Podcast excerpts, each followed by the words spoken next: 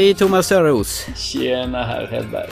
Nu är det dags för Thomas och Thomas filmpodcast avsnitt 53. 53 och det vet du för att du klar, kollade precis upp det antar jag. Ja, det vet jag. Jag gjorde det. Och jag kan bara säga en sak. I rymden kan ingen höra dig skrika. Ooh, I podcastrymden. så pass till och med. Ja. Nej men alltså specialprogram, det gillar ju vi. Ja, det är dags för länge sedan sist. Yes, och det här programmet det hintade vi ju redan förra gången att vi skulle prata om. Japp. Och det är givetvis ute i gymden. Gymden, ja, jag tycker det är lika fult. Och det blir då en liten, eh, inte en cyklande figur som heter E.T. utan en liten eh, varelse med två, ja, med två munnar. En alien. Ja. Eh, alltså, nu är jag supernyfiken. Innan vi börjar gå loss på dessa filmer som finns fyra stycken ordinarie och några separata och föregångare. Hej och. Ja.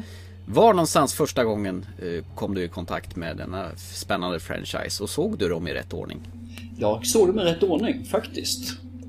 Eh, ettan var via en eh, kopierad video, fy på mig. Den, den var bra tyckte jag, men den var jävligt skräckinjagande och framförallt var den rätt så tråkig. Det tog lång tid innan den kom igång tyckte jag. Jag var ganska ung när jag såg den här. När den väl kom igång så var den ju hur hemsk som helst alltså. Tvåan såg jag faktiskt på bio. Oh, gjorde du?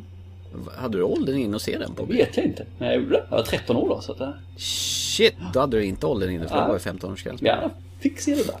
Fränt. Jag fuskade min, eller, eller morsan farsan följde mig, jag vet inte vilken, men jag såg den i alla fall. Ja, vi såg Aliens hemma hos eh, någon kompis på när den kom ju på sån här transfer media. Eh, vi hyrde den och satt hemma och tittade och man var ju som förhäxad alltså. Ja, nej, båda filmerna, ja, de var hemska på sitt sätt. Inte? Ska vi börja från början helt enkelt? Absolut, från 1979 när den första kom ut med Ridley Scott. Exakt, och det var ju inte helt säkert att Ridley Scott skulle ratta den här filmen utan eh, först och främst så, eh, hade man ju ett manus som kallas för Star Beast. Och det var ju inte så himla tufft med en, med en film som skulle heta Star Beast. Jag tycker det var ett bra namn egentligen. Ja, men det låter ju mer som en eh, porrfilm från Nej, Jo. kom igen! 70-talet. Jo. Ja, Okej, jag får ta ditt, ditt ord för det verkar vara mer insatt i ämnet än vad jag är. Ja. Lågbudgetregissören Roger Corman blev anlitad för att göra det här. Och på en budget av 4 miljoner ungefär. Okej. Och hans idé med, du vet de här klassiska facehuggerserna. De här som kryper ur äggen och anfaller folk i ansiktet. Hans idé, ah, det vill bara köpa lite lever från någon slakthandel och kasta i ansiktet på skådespelarna. Det var hans vision där. Ja, men egentligen funkar det. Ja, må hända, fast det inte blir så skräckinjagande Nej, kanske. det hade det inte blivit. Nej, eh, Fox ville egentligen inte, det var de eh, slutgiltigen som fick göra 20th Century Fox som fick eh, släppa den här De filmen. Då. inte alla va? Ja, samtliga Alien-filmerna ligger under Fox-märke. Men eh, sen Ridley Scott kom ombord och ville göra denna här så dubblar de budgeten från 4,2 miljoner till 8,4 när, de, när han visade upp sin storyboards. Det första han gjorde när han blev anlitad som regissör då rita upp hela filmen i sådana här storyboards. Och sen de såg hans potential och hur det skulle genomföras insåg man att de där pengarna kommer inte räcka på långa vägar. Han hade bara gjort någon film tidigare så han var rätt ny på det här. Sen scoutade han väl folk. Det är egentligen bara sju stycken roller i den här filmen. De här som ska vara ombord på det här rymdskeppet Nostromo då. Och det roliga i manusutkastet så är de eh, unisexa. eh, Folket. Det kunde lika gärna vara tjejer och det kunde lika gärna vara killar. Med olika karaktärsdrag. Så att det var ganska oklart då vem eh, av de här rollerna som var man eller kvinna. Men på den här tiden så var det mest tuffa män som var ute och han hade väl lite den här lastbilschaufförsjargongen på de här eh, som är ute i rymden på den här rymdskeppet då. Det, känns lite så. Ja, lite grann, men det är, det är väldigt familjärt. Ja, När, man, det det. när de startar igång där så har det ju blivit att de går upp där, de tar sig en smoke, de äter sin havregrynsgröt och det är liksom vardag för dem. Eh, rätt coolt. korta drag så beslutar de sig ganska sent att Ripley, eh, den som ska bära den ledande rollen, hon ska vara en kvinna. För det var inte så vanligt på 70-talet att de hade en stark driven kvinna som eh, skulle vara den som led huvudrollen då. Det börjar ju lite som du säger, att de vaknar upp i, i sin eh, kryokammare, eller vad heter det? De här, när man fraktas ut i rymden under lång tid så söver man ju ner eh, folket då. Och av någon anledning så avbryts den här resan eh, mot jorden då av eh, skeppets, vad ska man säga, dator som de kallar för Mother, modern då. Där Ridley Scott hade stora influenser från 2000, vad heter den? 2001? Ja, just ett Spatial Adventure eller vad Ja, det? precis. Och sen hade han ju förstås eh, stora influenser av eh, Stjärnornas krig. Och det sist men inte minst så hade han influenser av Motorsågsmassakern. Okej. Mm, det var hans tre Hur, hur grund... kom Motorsågsmassakern in här? Det är väl det här eh, som skulle vara lite brutala på något vis. Men eh, det var tydligen en av Ja, inspirationskällorna. ja här, så. okej. Inte något jag märkte, men jättebra. Nej. Ja. Men det är, det är som du säger, när de vaknar upp där ur sin kryokam så sitter de helt familjärt och som säger äter sin gröt och snackar och har det rätt så vardagligt. Ja, jo, det är det som jag tycker är lite skönt. De snackar skit och det det vanliga. Det är liksom resan är slut för dem. De är ju hemma, tror de i alla fall. Ja, Så för men- dem är det liksom den här sista måltiden tillsammans och sen efter det ska de ut och festa och hämta hem sin paycheck. Tills eh, Dallas, som är väl eh, han som egentligen den som är högsta kommandon där i Tom Skerritt. Precis, som man sett i Top Gun. Precis. Ja. Och eh, han säger att ah, han hade fått meddelande från Mother då bland annat som innebär att det är helt plötsligt avbrutet och de ska göra ett räddningsuppdrag istället. Den här superavancerade stordatorn med miljoner blinkande knappar. Ja, precis. Rummet är ju bara massa lampor överallt. Men tänkte du på liksom innan de vaknar upp i den här sin sömn. Man får ju se inzoomande panoreringar över gångar och korridorer och grejer. Och det är mycket detaljer som är gjorda. Så han hade verkligen byggt upp det här rymdskeppet i en full skala. Man har sett liksom kulisserna och sådär när de har byggt upp det. Det är ju helt enormt alltså. Han har ju byggt upp ett rymdskepp som ska vara i naturlig storlek som de sprang runt och filmade i. För att få den här klaustrofobiska känslan över att de är bara här och ingen annanstans. Mm. Ja, det, det känns som att man lagt ner väldigt mycket tid och tankekraft och framförallt inte lämnat så mycket till slumpen. Nej. Jag tycker ju om den här början av filmen, de panorerar ut, de har ett bord och så står den här fågeln där och pickar i Ja. vattnet. Ja, Sån här gammal 70-tals, ja det är ju 70-80-tals grej där liksom. Och sån evighetsfågel. Och bara en sån sak är liksom, bara, var hittar han den? Ja, exakt. Så här, verkligen familjärt, jag tycker om det liksom. Han, han sätter stämningen med en gång.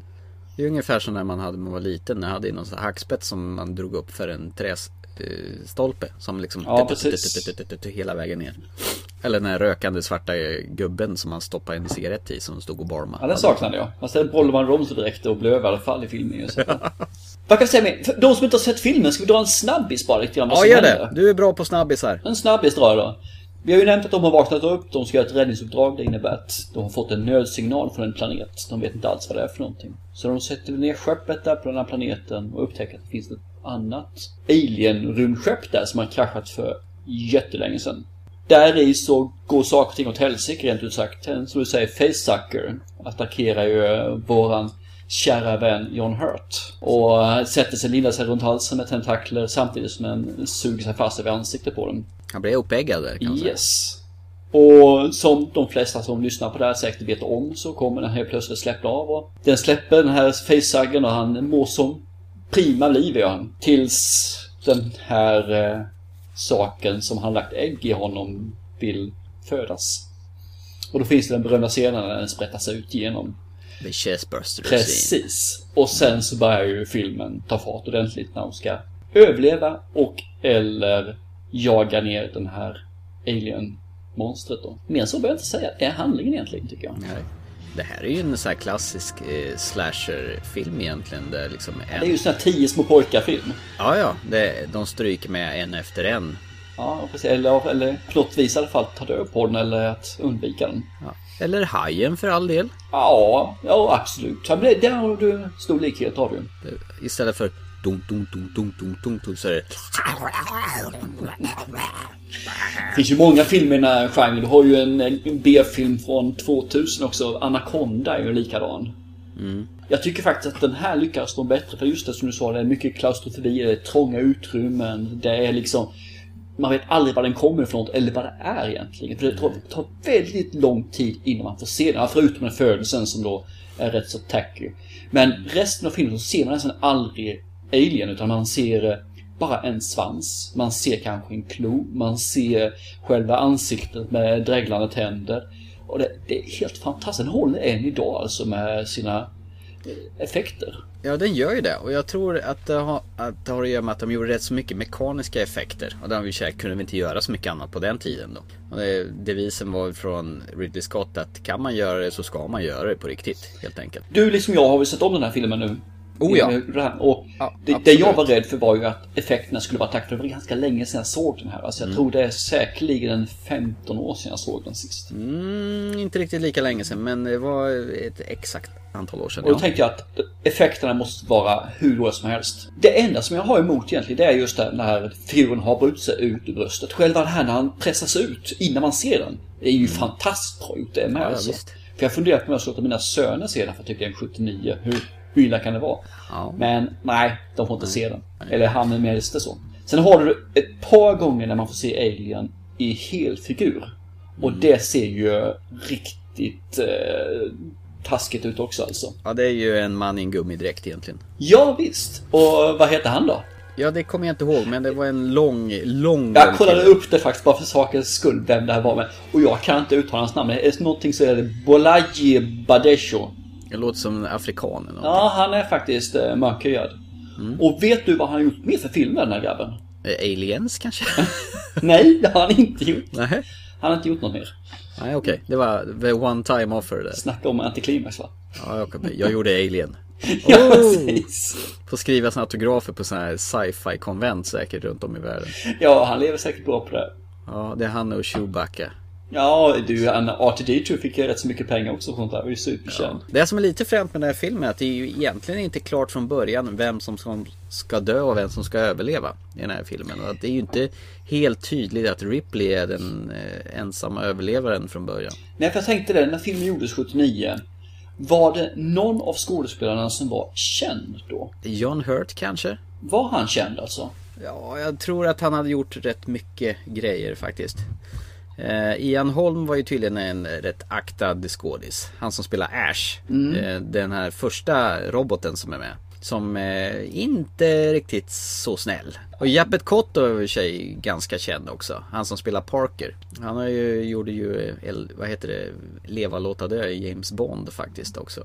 Nej, men det jag tänkte på det här liksom var att det var ingen som var så här superkänd. Det kanske inte finns så många superkända på den tiden. Så att när man såg det så kunde alla ha dött. Ja, Ser man en film idag så finns det alltid någon som är superkändis. Johnny Ja. Depp eller eh, vem det nu kan vara. Liksom, jag kommer inte på några mer bara för det. Ha- Hade Sigourney Weaver gjort den idag, eller fick hon gjort den senare, så vet man.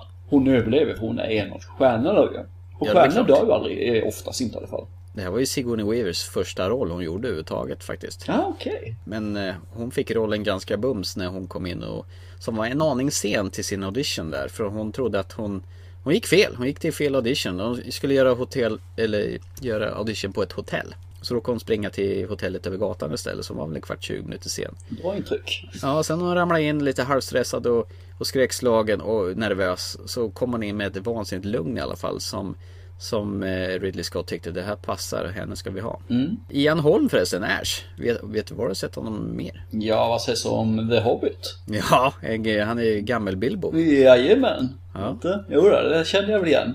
Har han gjort något mer då, så du känner till honom då?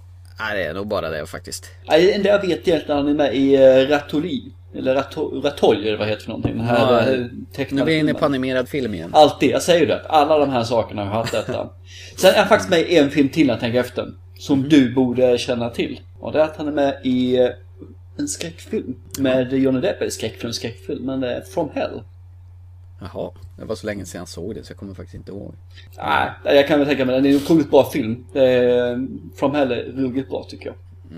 Ja men den är mumsig. Det är ju en av mina absoluta favoriter med Johnny Depp faktiskt. Om man ska, du vet den här scenen då som vi pratade lite lätt om där Där John Hurts rollfigur Kane då. Det är den mest kända scenen eh, Ja. i den här filmen tror jag faktiskt. Där, där själva alien tar sig ut ur hans bröst då. Eh, Det roliga att Ridley Scott hade inte riktigt talat om för hans eh, skådespelarkompisar vad som skulle hända. De tog hela scenen i en enda tagning med sju olika kameror som satt upp riggade runt alltihopa och de sa bara att du, ni ska hålla fast honom för han ska få spasmer och, och eh, få ett anfall. Men de visste inte att han hade en eh, fusk... Eh, det var ju hans huvud som stack upp ur, ur eh, ur bordet och så hade de gjort en fuskkropp där det hela skulle vara. Så att de blev ju lätt chockade när John Hurts bröstkorg bara fullkomligt exploderade och sprutade blod på alla närvarande. Så att för att få den här realistiska reaktionen som bland annat Lambert, Veronica Cartwrights rollfigur, hon höll ju på att skita knäck i spiraler där alltså.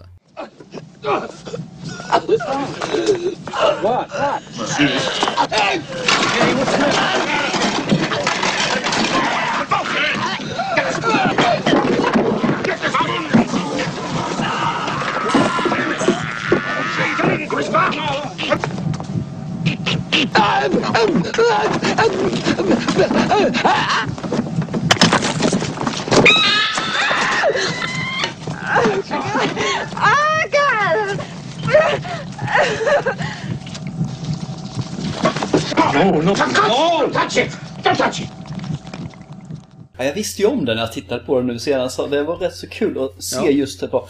Och det, det är ju som du säger, det är ju inget skådespeleri utan det är ju... Det är ju på riktigt. Ja, precis, det blir ju det. Det är ju deras reaktioner. Och det intressanta är att hade de reagerat genom att springa därifrån eller som du säger svimmat eller något annat sätt att vara så hade ju scenen varit helt förstörd och så hade de fått göra om den med skådespeleri istället.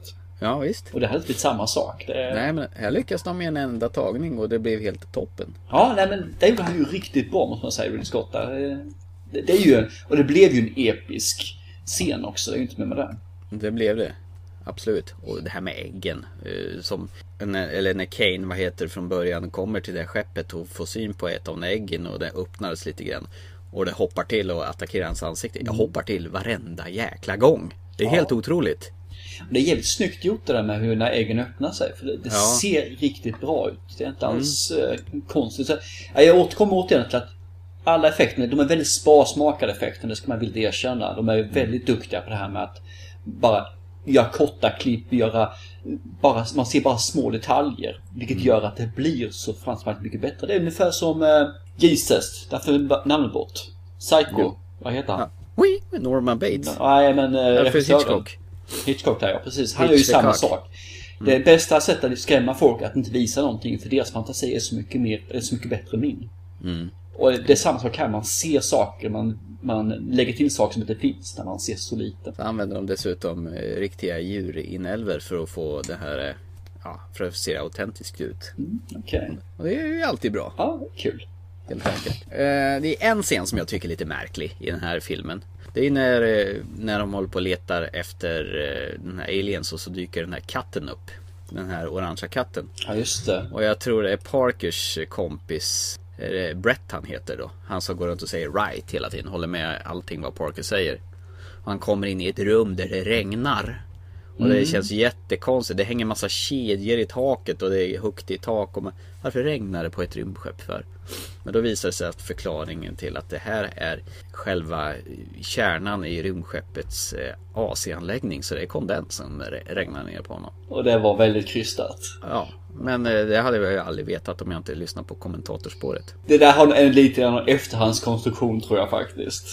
Han behöver kolla, det var ju bara en häftig miljö. Kedjor hänger ner, det droppar lite grann och så Ja, här. det ska vara otäckt. Ja, och det är otäckt. Ja. Det är Och inte för- mer med det, det är jätteotäckt. Och sen blir han anfallen av en alien som hänger upp, upp och ner hängande i kedjorna. Det är väl därför kedjorna skulle vara där Ja, ja, kanske. ja. Hur ska den skulle hänga där? Ja. Det går inte. Och för att få den där katten reagera som den gör, den väser ju ganska ordentligt. Mm. Då har de haft en liten gömd hund bakom ett hörn då för, för att katten ska reagera på det. Okej. Jag tycker det ser rätt bra. För hade gjort idag så jag gjort det datanimerat istället. Ja, säkert. Det, det blir inte riktigt samma sak. Det är väl det som är så bra att den här filmen är tidlös. De gör det på riktigt och det ser så äkta ut.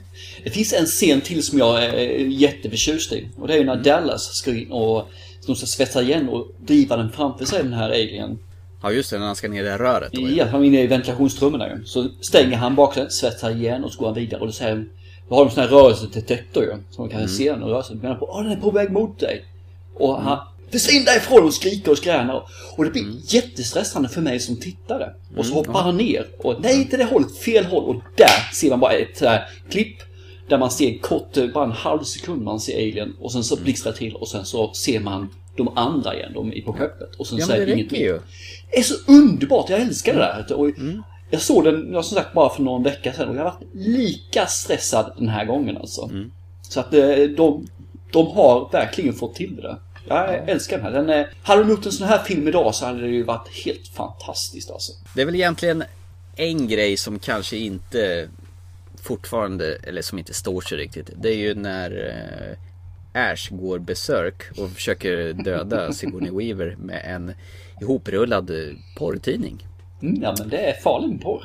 Genom att stoppa den i hennes mun när hon ligger och sover. Istället för att strypa henne. Ja. Eller slita henne i tur eller vad som Och helst. så börjar hon sprattla där ungefär som att jag kan inte röra mig för jag har fått en tidning i munnen. Och sen kommer ju Parker till hennes undsättning och börjar rycka honom och sen spattar ju han igång och sen lyckas de slå av hans huvud med en brandsläckare. Jag tycker fortfarande intressant där när han, den här, eh, vad hette han, Parker, den här mm. negern. Han, han kommer in och ska ta bort Ash. Då tar han sin hand och sen så nyper han honom i datten. och han skriker rakt ut då. Jag menar, varför, ska han, varför ska Ash som är då en robot som är superstark ta och nypa han i bröstvårtan? Ja men det där skulle jag, det där lyssnade jag också på kommentarer. Det var för att demonstrera hans maktposition. Ja, men ska man ha någon maktposition ska man ju sett ta ett huvud, ha krossat huvudet på honom. Så det är en maktposition. Ja. Men Men det, är... det är en 79-talsfilm. Ja, Fighting-scenerna på den tiden var Exakt. rätt töntiga. Och det faktiskt. gula klägget som han är dränkt i sen. Eller gul, Det vita, vita, ja. vita klägg. Det är vanlig mjölk. Ja, men det, det kan jag tänka mig faktiskt. Ja, och det det återkommer ju i alla filmer sen. Ja, Ian Holm hatar mjölk så han tyckte det var helt vidrigt att han hela tiden skulle ha munnen full med mjölk och det skulle dregla ur munnen på. Och sen när de hade det där konstgjorda huvudet där när man ser att det klipper mellan hans riktiga huvud och Ja, det ja. konstgjorda. Det, det ser väldigt B ut. Ja, men återigen, 79. Ja, precis. De gjorde väl vad de kunde vid det läget. Ja, och jag, jag förlåter det så sett. Så Jag, det visar sig att den här munnen är ju väldigt ihop när de har sparkat på huvudet där då. Det visar sig att det sjönk ihop när de hade härdat där huvudet när de hade gjort en avgjutning av hans skalle. Så det blev lite så här lätt, det krympte ihop så det blev inte riktigt som man, de hade inte råd att göra om det. de hade ju bara 11 miljoner i budget. Så Ja. det, En fråga. Såg du originalversionen från 79 eller såg du den här Directors Cut som kom 2003? Du menar jag såg den första gången? Nej, nu alltså när du såg den nu senast. Ja, för- ja. Mm. Jag såg eh, Directors Cut den här gången. Men jag ska villigt erkänna att jag eh, är nog lite osäker. Det är en scen tror jag som jag har fått reda på var tillagd. Men eh, det, jag, jag skulle ha märkt det. Nej, det är ju några grejer. Bland annat när Ripley vägrar släppa in eh, eh, Lambert och de andra för, för att han har ju fått den här facehuggen och menar på att direktiven är att man kan inte släppa in någon när, när någonting sånt där måste sättas i karantän. Och Lambert blir skitsur på Ripley och, och bitch-släpar henne i ansiktet. Det är inte med i den gamla originalversionen. okej, okej. Till exempel. Men det finns väl en scen också med Dallas? Ja, inte... han, precis. Precis mot slutet där när det här obligatoriska eh, skeppet kommer explodera om 15 minuter. Då springer hon ner i någon källare och då sitter ju Dallas plus några till som de är väl ganska oidentifierbara men man ser att Dallas sitter där och väser Kill me. Ja, för det är ju alla som försvann. Ja, de, De är inte liksom- hittade kroppen. Som Ja. de säger där nere. de har blivit uppslängda i något klet där som ska förpuppas. Den har de ju återinsatt av ett material som eh, har varit borta under många år. Men det beslutade han att skulle sätta in igen. Jag tycker det är lite synd för den tar bort lite grann. I, den här serien finns ju i, i Aliens. tvåan också ja, Aliens ja. Och där, den tyckte jag var helt underbar i den filmen. Ja. I den här filmen blev det kaka på kaka på något vis kände jag. Ja, Så- fast det kom ju före Jo, egentligen. men alltså det, den behövdes inte den scenen. Det är det jag menar. Jag tycker den tillförde egentligen ingenting. Nej, det, det kändes som att den, den var instoppad. Mm. i- Den- man- blev det alltså. Den blev, Om man liksom för, ska se det till själva händelseförloppet. för den gav ingenting den serien egentligen. Men att hon sköt honom eller satte väl på honom. Men det är ju ingen hemlis i alla fall att det är bara Sigourney Weavers Ripley som är kvar på skeppet. Alla andra har ju strukit med en efter en. Likt tio små negerpojkar. Precis, fast det bara finns en. Ja, och det enda sättet det är att spränga det här rackarns skeppet åt helskotta och försöka dra iväg vid en sån här eh, escape pod eller vad kallas det för? Ja, det är egentligen väl skeppet hon sticker iväg med. Eh, Så det här eh, landning, det här skeppet som landar på planeten med den. Hon sticker iväg med. Då ska ju detonera med massa, för hon springer ju fram och tillbaka och så ångrar hon sig vid något tillfälle. För hon har ju passerat den här kritiska massan där. För hon springer och jagar den, där- hämtar den jäkla katten också. Katter är viktiga. Ja, katter är viktiga. Och sen har de en eh, omotiverad eh, scen med henne när hon tar av sig och visar henne i underkläder från konstiga vinklar. Ja, men den var lite omotiverad för hon skulle ju frysas ner eller i den här stasiskammaren Ja, i och för sig. Det- Så, det, så omotiverad var den ju inte utan eh, Hon ska ner men hon upptäcker under tiden hon gör det att hon är faktiskt inte ensam där inne. Nej. The bitch is there also. Hon har ju fått lite sällskap. Hon ligger där och kurar sig. Ja, och det var inte en löv liten fin katt. Men alltså den här sekvensen. När man ser henne i någon topp och en alldeles för liten trosa. Mm. Och hon böjer sig framåt. Man ser hela stjärtskåran på henne. Ska det här vara sexigt på något vis tror du? Var det, var, 70-talet var, var det.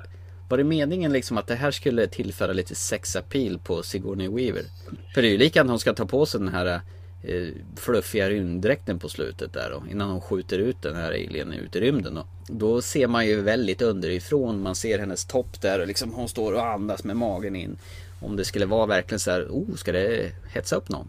Det, det var säkert snyggt på den tiden, det kan jag tänka mig. Så att, det är inte konstigt. Jag, jag vet inte, okej det kanske var lite väl långt och lite väl utstuderat och när man tänker till på det. Jag tycker inte det är så farligt egentligen. Det, Nej, nej, jag vet inte, jag tycker du reagerar nog lite hårdare över i alla fall. ja, ja kanske. Jag vet inte. Men som- när du ja. såg den här första gången filmen. Vad vad- vad var din känsla då? Alltså, jag såg den kanske, vad kan det ha varit? 12-13 eller någonting. Ja men just därför det är lite Och kul att jag, höra. jag, jag säger väl som du sa, jag tyckte den var ganska långsam. Och sen har jag ju sett den rätt många gånger i, med jämna mellanrum. Eller ojämna mellanrum ska väl kunna säga. Och det är spännande att ju fler gånger jag ser den här filmen, jag tycker den bara blir bättre och bättre. Så nu sist här, vissa saker har jag glömt bort. Som jag liksom inte kommer ihåg att det var. Och vissa saker kommer jag ihåg väldigt väl. Och nu såg jag den på en fin krispig Blu-ray-utgåva som man såg i detaljer som jag överhuvudtaget aldrig har sett förut. Så att det blev ju en film som blev ju i en helt nytt perspektiv kan jag tycka. Men nej, jag, jag bara älskar den här filmen. Den har vuxit och vuxit och vuxit genom alla dessa gånger jag har sett den. Jag har aldrig varit med om en film som har vuxit så mycket som Alien faktiskt. Ja, för det är det som jag tyckte var tråkigt och långsamt och segt när jag såg den första gången.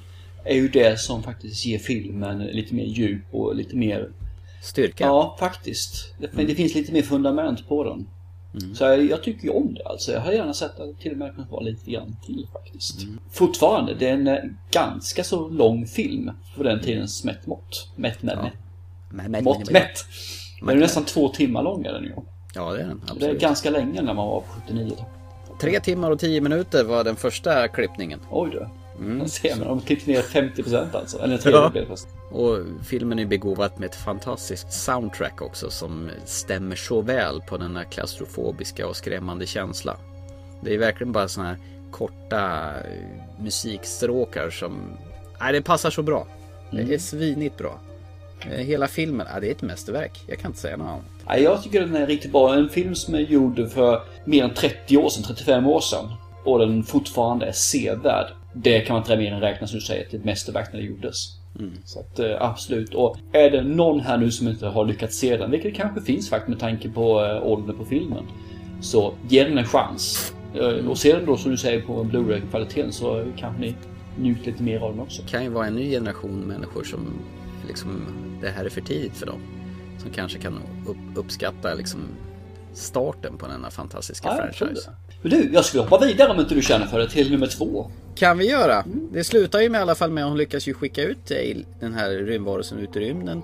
Och eh, stoppar ner en sån här kryokammare för att hoppas att någon ska hitta henne när hon svävar runt och flyter runt i rymden där va. Egentligen börjar nummer två precis när nummer ett slutar. Fast 50 år senare typ va? Ja, eller 57 till och med. Ja, ja, cirka 50. Så att eh, när den här blir egentligen upplockad och hon blir uppväckt ur den här kryokammaren. Det har gått lite tid. Yes, utvecklingen har gått framåt och eh, de hon kände, de är ju klart inte levande längre. Och dottern hon hade är väl samma sak där. Ja, hon har blivit gammal och dött. Ja, precis bara för ett par år sedan om man säger så. Så hon fick inte ens träffar henne igen. Eh, I det här fallet sen så får man egentligen visa upp att Sigourney Weaver här då ju hon blir ju faktiskt fälld för det här 57 år senare. Det här med preskriptionstid finns inte liksom. Så Ripley blir eh, chockad för att åka med på en med rymdfartyg och hålla på med lastkaj istället. Och givetvis så har ju inom de här 57 åren så har ju hänt någonting. Man har börjat då kolonisera andra planeter och göra terraforming på de här. Och givetvis den här planeten där det här skeppet låg då. Mm. Aliens filurerna ligger gömda. filurerna? Ja, filurerna. Xenamorfosen, eller vad man kallar det för. Eh, slutar i alla fall med att de tappar kontakten med den här efter hon har varnat. Så säger hon nej det händer inte, de har varit där i flera år, det händer ingenting. De tappar kontakten med den här kolonin i alla fall och vill åka dit med en liten truppstyrka på kanske. Vad kan de vara? De 8-9 pers från början? Ja, ungefär. Plus att de la med Sigourney Weaver och en uh, Carter Burke heter han va? Va? Carter Burke, han som är från The Company. Fegisen? Ja, eller fegis och fegis. Och eh, jag förstår fortfarande inte varför de ska ha med sig eh, Ripley. Det här faktiskt, för enda hon gjort är flytt från den och skickat ut den i efterbrännkammaren. Men shoot! Hon ska väl vara med någon som en slags rådgivare för att hon är väl den enda som har stött på en av de här varelserna. Så, men... Ja, hon är inte, hon är hon inte, inte, det är ju inte så att hon kan hjälpa till med någonting på plats mer än det hon kunde berätta hemma på jorden om vi säger så. Nej. Hon är väl inte så villig att följa med från början heller. Hon är väl rätt så svårövertalad. Men ja, hennes mardrömmar gör ju så att hon inser att hon måste väl möta sitt öde igen för att komma över det. Men därför hon följer med. Sen får man alltid ifrågasätta också när man åker dit om en 8-10 pers. Varför inte åka dit om en 200 åtminstone? Mm. Men shoot, vi, vi tar på det viset. Hon tillsammans med ett gäng stenhårda marinsoldater. Yes. Eh, det som är kul jämfört med de här två filmerna är ju att det är James Cameron som gör den här istället. Mm, skaparen till Terminator. Bland annat va? Titanic. ja. Terminator 2. Ja, Avatar har han väl gjort också va? Usch, prata inte om skiten. Fast den där undervattensfilmen tyckte jag var bra han gjorde. The Abyss med det. Ja just det, Avgrunden, ja. Abyss ja. Den, den är ju, jag såg faktiskt den för bara ett par månader sedan av en repetition av en kompis. Och mm. jag har sett det för länge sedan också men den är otroligt bra den också. Den är, det är också en sån här film faktiskt som har vuxit. Ända tills skiten åker upp till vattenytan. Ja, ja, men... Då ser det ut som Skara som alla inte kommer upp. Skippa slutet på filmerna. det jag vill komma fram till här när vi svävar ut lite grann är att den första Alien-filmen från 79 är ju en eh, skräckis-thriller. Det här är ju mer en eh, skräckis-action egentligen. Mm, det kan man lugnt säga. Och det, de har behållit mycket av kärnan. Uh, egentligen kärnan och kärnan, de har behållit hur aliens fungerar, hur de beter sig och utvecklat dem lite grann till. Och Ripley. Och Ripley lite grann utveckling också. Ja, mm. och eller kärnan där. Resten av filmen sen är ju något helt annat. Du säger de har tuffa marinsoldater, det är en annan jargong. Det är lite mer humor i filmen också. Att det finns den här uh, punchline-humorn. Och sen samtidigt så har de gjort den här, uh, vad man säger för något, de, de lyckats med eh, spikeffekter. Där de gör någonting, de bygger upp en scen under en väldigt lång period. Att det här är nu spännande, nu kommer någonting hända. Och sen så lugnar de ner det. Och sen 3-4 sekunder efter att de lugnat ner det så spikar de till med någonting som, är eh, som gör att man får gå på toaletten och rensa ur kalsongerna. Och jag älskade den här sådana första gången för jag, jag hoppade till sig den här filmen hur många gånger som helst. Och gjorde det fortfarande när jag såg den här filmen nu eh, för ett par veckor sedan. Ja, speciellt den här facehuggen som är i den här äh, glasburken och han Burke går fram och tittar på honom. Ja, men där har du den första ju. Ja, du, alltså det är ju riktigt jump scare och det är likadant där. Jag hoppar till varenda ja, gång. Och det är samma sak när man ute den här, på den här pojken som helt plötsligt slår upp ögonen. Där har det första jag hoppar till ju. Och sen när den flyger ur honom. Där, jag visste ju om den här gången också men det är, det är helt fantastiskt. Jag tycker de får till det. James Cameron gör en ruggigt bra film här alltså. Just i de effekterna. Lite snyggare chestburster där faktiskt än i första Alien. Ja, å andra sidan så har det gått några år sedan också. Ja. Det har ju gått en eh, sju år. Nu kommer min fråga igen. Eh, såg du den vanliga bioversionen eller såg du Directors Cut på den här? Jag såg Directors Cut på den här också. Okej. Okay. Då såg du då från första början när Newt blir av med sina föräldrar när de är på den här planeten då. Och eh, hennes pappa blir attackerad av en ja. sån facehugger. Eh, man får inte se den. I originalet får man väl se när mamman kommer in, springer och rycker upp dörren va? Mm. Här får, ja, man får inte se facehuggen va? Jag tror inte ens du får se hennes föräldrar i, i originalet faktiskt. Ja, Eller... nej, kanske inte. Som sagt var det väldigt länge sedan såg den här också. Och, och, det är lite fränt. Här har man faktiskt behållit i bakgrundskulissen det här rymdskeppet från första Alien. Mm. Och det, det är enda gången man får se det i Aliens, så att säga. Ja. Och det är rätt fint faktiskt att den sekvensen finns med i Directors Cut. Det dröjer ett tag tills vi får se den igen. Men det, jag tror också att det är fint att just det, att det är samma utseende på den. Att de har behållit det. För annars hade det varit lätt hänt att ah, men vi ska göra lite mer spacigt, lite mer eh, extra, allt där. Men så tog man den bara rakt av. Jag tycker det är all heder till dem. Och jag gillar det att de här übertuffa marinsoldaterna som ska vara så jäkla coola. De blir ju liksom tagna med brallorna nere när de väl eh, möter sin fiende där. Då är de inte så lika tuffa längre. Eh, nej, och en del av dem bryter ihop totalt. Vilket också är rätt kul att de gör Speciellt Hudson som är så jäkla cool och spelas av Bill Paxton. Han som Anytime, anywhere. We're on express ele- elevator to hell going down. This some real pretty shit now, man. You finished? That's it, man. Game over, man. It's game over. What the fuck are we gonna do now? What are we gonna do? Maybe we could build a fire, sing a couple of songs, huh? Why don't we try that? We better get back, because it'll be dark soon, and they mostly come at night. Mostly. Man Game over han- man! Game over! Man visste att han skulle bryta ihop visserligen, för de tuffaste gör ju det.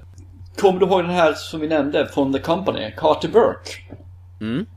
Var har, du, ja. var har du sett honom senast? Ja, senast var det nog i Whiplash som, det. som trummisens farsa. Jag missade det när jag såg den filmen. Det var först när jag läste på nu inför det här som jag såg det. Jag petade ju till och med på dig när vi, när vi vad heter det, såg den på bio. Titta, det är ju, det är ju Burke från Aliens. Ja, du petade på mig och jag slog tillbaka. Jag bara, vad gör du? Käften, jag sov! Nej, det gjorde jag faktiskt Sen var ju han med i någon komediserie med Helen Hunt eh, som gick rätt länge på... Mad about you, eller? Ja, precis. Och de hade, den gick ju rätt så länge på några kabelkanaler faktiskt. Det är väl egentligen där jag har sett honom. Den tv-serien och nu är Whiplash och sen Aliens. Ja, Men har inte han gjort några sådana här gamla eh, komedier? Ja, det är nog mycket möjligt faktiskt. Han var ju med i eh, Snuten Hollywood 2 bland annat. Ja, det kanske... Ja, men just det, det var han ju. Det stämmer ju. Det har du rätt i. Men James Cameron gillar ju att återanvända sina skådisar. Bill, Bill Paxton har ju varit med i flera av James Camerons filmer. Den senaste i Titanic. Titanic. Eller förresten, han är kanske med i Avatar också. Nej, det ska jag inte säga. Men i Titanic är ju han som leder expeditionen för att leta efter Titanic i början i nutid då. Och så Michael Bean har ju varit med i Terminator. Han är ju den som åker tillbaka i tiden och har sex med eh, Sarah Connor bland annat. Okej, trevligt med honom. Som ska leta reda på, ja, eller som ska göra det på smällen så att den här stora sonen ska bli den stora eh, frikämpen och så vidare. Sen har vi ju roboten eh, Bishop som spelas av Lance Henriksen. Han, han fick ju en karriär och gjorde tv-serie i Arkiv X anda. Som hette Millennium, någon sånt där group någonting tror jag. Mm, Millennium bara, tror jag. Ja, som gick ett gäng säsonger faktiskt. Sen fick han faktiskt vara med i en eh, nästa Aliens-film också, fast som vi kommer nämna lite senare eventuellt. Och det är Alien vs Predator.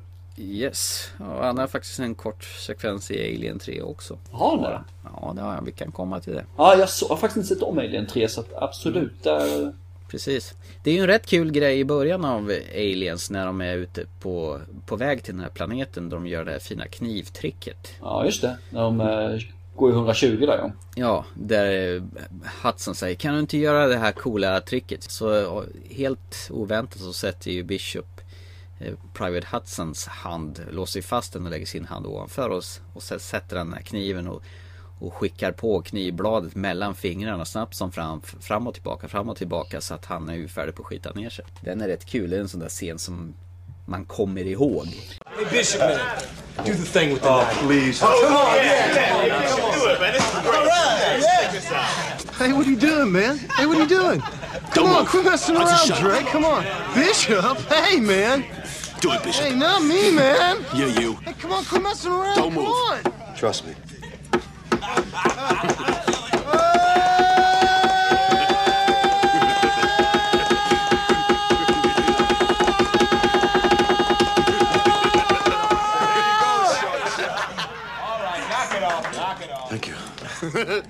That wasn't funny, man. ja det, det var den scenen som jag tyckte var en av de bättre scenerna i det här som var roligast i hela filmen. Jag såg den första gången. Så den såg man ju om eh, x antal gånger sen när man kunde se den på video. Så att, Du eh, försökte göra om det själv, eller? Ja, det gjorde vi också visserligen, men vi kom aldrig upp i den hastigheten. Precis. Nej men det här är ju en actionfilm som sagt. Ja, för i Ehm, den här gången så gäller det, som alla filmer, när det kommer en tvåa, så är ju det att du måste göra Mer av allt. Mer av allt. Och det innebär ju att den här gången kan du inte vara en alien, det kan inte vara två alien, det måste vara tusen alien. Fast det roliga, de hade bara sex stycken alien-dräkter som de använde om och om igen i olika vinklar. Ja, det kan jag tänka mig. Slim. Ja. Väl, väl klippt och väl liksom snyggt gjort så det, de får ju se ut som det är bra många fler. Absolut. Och det, det, de, de gör det fortfarande bra. Eh, Det, det jag får säga är att den här filmen tyckte jag ju var mycket, inte mycket, men den, den var bättre än ettan när jag såg den första gången. Eh, mest för att det var, det hände saker redan från början mer eller mindre alltså. Och efter det så gick det ju ös 110. Nu när jag såg om den så är den det är en fruktansvärt bra film fortfarande. Den är välgjord. Det, det finns lite såna tacky 80-talsgrejer. Det gör det ju så att man får ta det för vad det är. Men första filmen är strået vassare eller två strå vassare typ köpet. Mm. Men det är två olika typer av filmer faktiskt. Ja men det är just därför tror jag att eftersom du har så mycket mer av annat så är, om man säger så, effekter i den här filmen så har den åldrats mer än vad den andra filmen gjort. Och därför har jag- viktat upp första filmen. För den håller inte riktigt samma nivå eh, idag som den andra gör. För den är, har väldigt få effekter den första filmen. Vilket gör att den kan hålla kanske tio år till. Det som är riktigt, eh, som jag tycker är creepy, det är ju deras marinsoldater, så här rörelsedetektorer som de har. Ja, Det är ett rätt så obehagligt ljud det, bara det här pulserandet, punktande där. Och sen brassar de på i 120 och så vet de inte vart de är någonstans. Det är, en sekvens där de, är, där de har försökt eh, barrikerat sig och täppt igen alla ingångar. Så ser de att det kommer en hel hög, men de borde ju vara i rummet nu. Och så visar det sig att de kommer ovanför genom taket. Och då börjar han skjuta så rasar taket ner. It's inside the complex. No, no, it ain't you. They're inside, inside the perimeter. They're in here. Signal's weird. Be some interference or something. There's movement all over the place. Movement. Signal's clean. Range 20 meters. 18. 17 meters. 15 meters. 13 meters. That's right outside the door. Man, this is a big fucking signal. 12 meters, 11, 10, 9 meters, 8 meters, 7, 6. It's reading right, man. Look, 5 meters, man. 4. What the hell?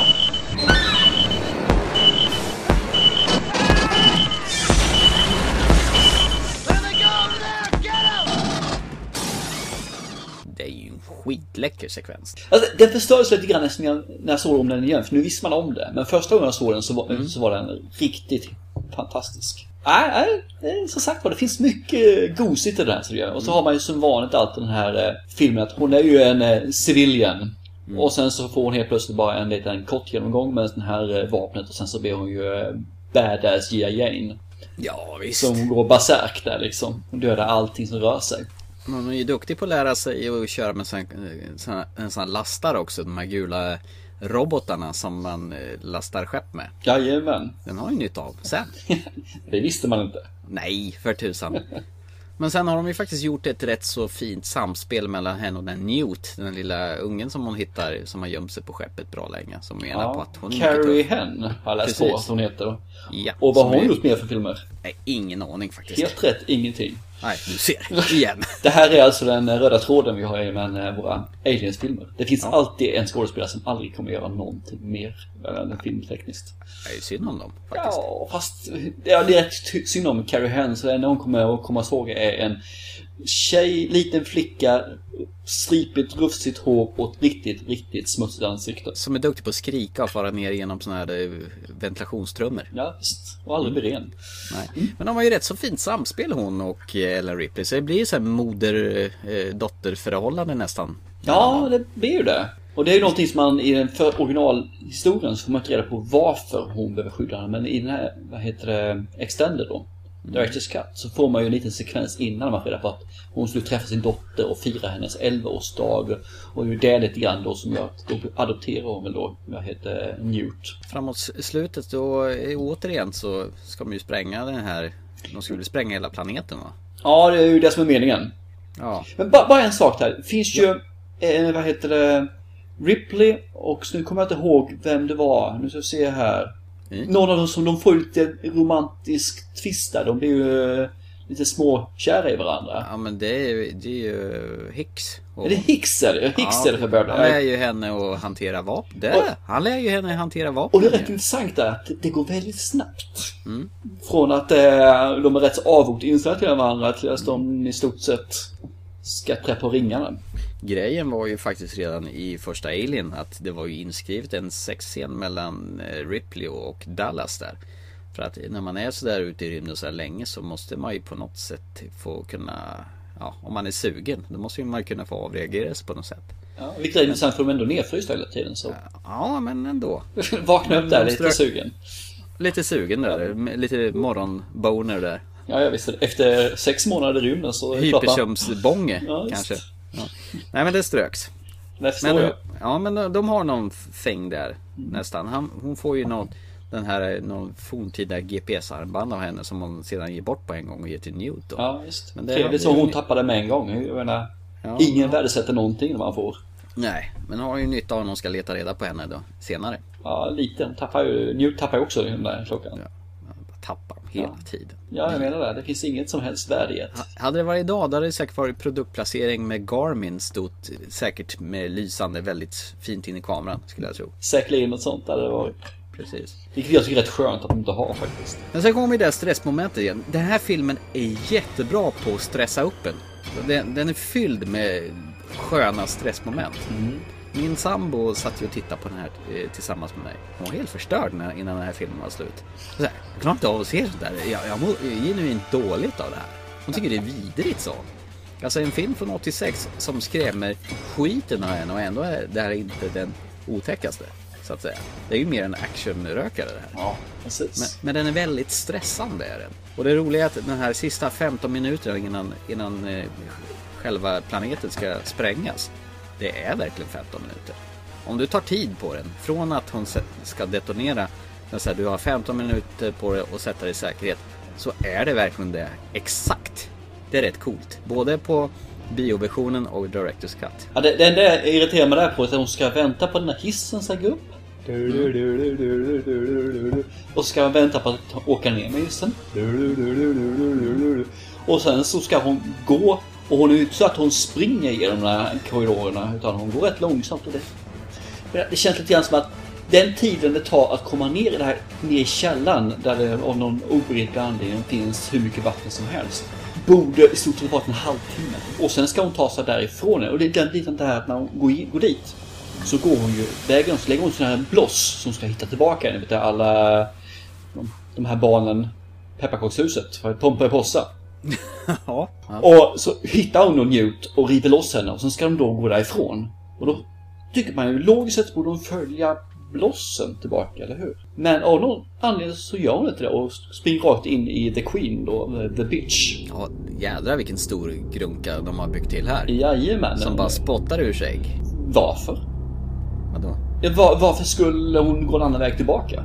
Ja, det vet jag inte. Och då står hon och tittar på den där i säkert 30-40 sekunder. Står de och tittar på varandra. Den här droppar lite grann i käften och den här andra munnen Det pekar är ju ut lite grann. svinhäftigt. Hon Jo, bara- jag håller med. Det är jättehäftigt. Men då kommer vi till nästa sak. Alltså, man förutsätter i det här fallet då att den här Queen Bee, eller vad man säger, aliensen, den är intelligent i det här fallet. För att de, de interagerar ju med varandra. För att hon hotar ju med att nu börjar jag elda upp dina ägg här. Och då backar de andra tillbaka. Varför skulle de göra det? Hon kan lägga nya ägg. Det, det känns så meningslöst att det finns ingen intelligens och ingen i det. Sen springer de iväg och med tanke på hur snabba de här aliens är så borde de kunna komma ikapp dem rätt snabbt medan de står och väntar. På hissen igen ska åka ner. Helt okej, de åker upp med hissen. Och den här drottningen är rätt klurig. För att, för att ha fötts bara för några månader sedan och inte gjort någonting egentligen vad gäller teknik. Så vet den precis hur en hiss opererar, hur man ska få den att gå upp och gå ner och komma. Så den åker upp i den andra hissen med dem. Det är ju svincoolt. Ja, det är jättekult men det är inte logiskt. Nej. Hon kunde ha klättrat upp i hisschaktet, det hade varit mycket bättre. Slitit sönder dörrar, det hade varit så mycket bättre, tycker jag. Annars som sagt det låter som att trasha filmen, men det är just slutet som jag blev såhär bara... Ja, Okej då, men kunde man inte gjort det på något lite annat, bättre sätt än det här?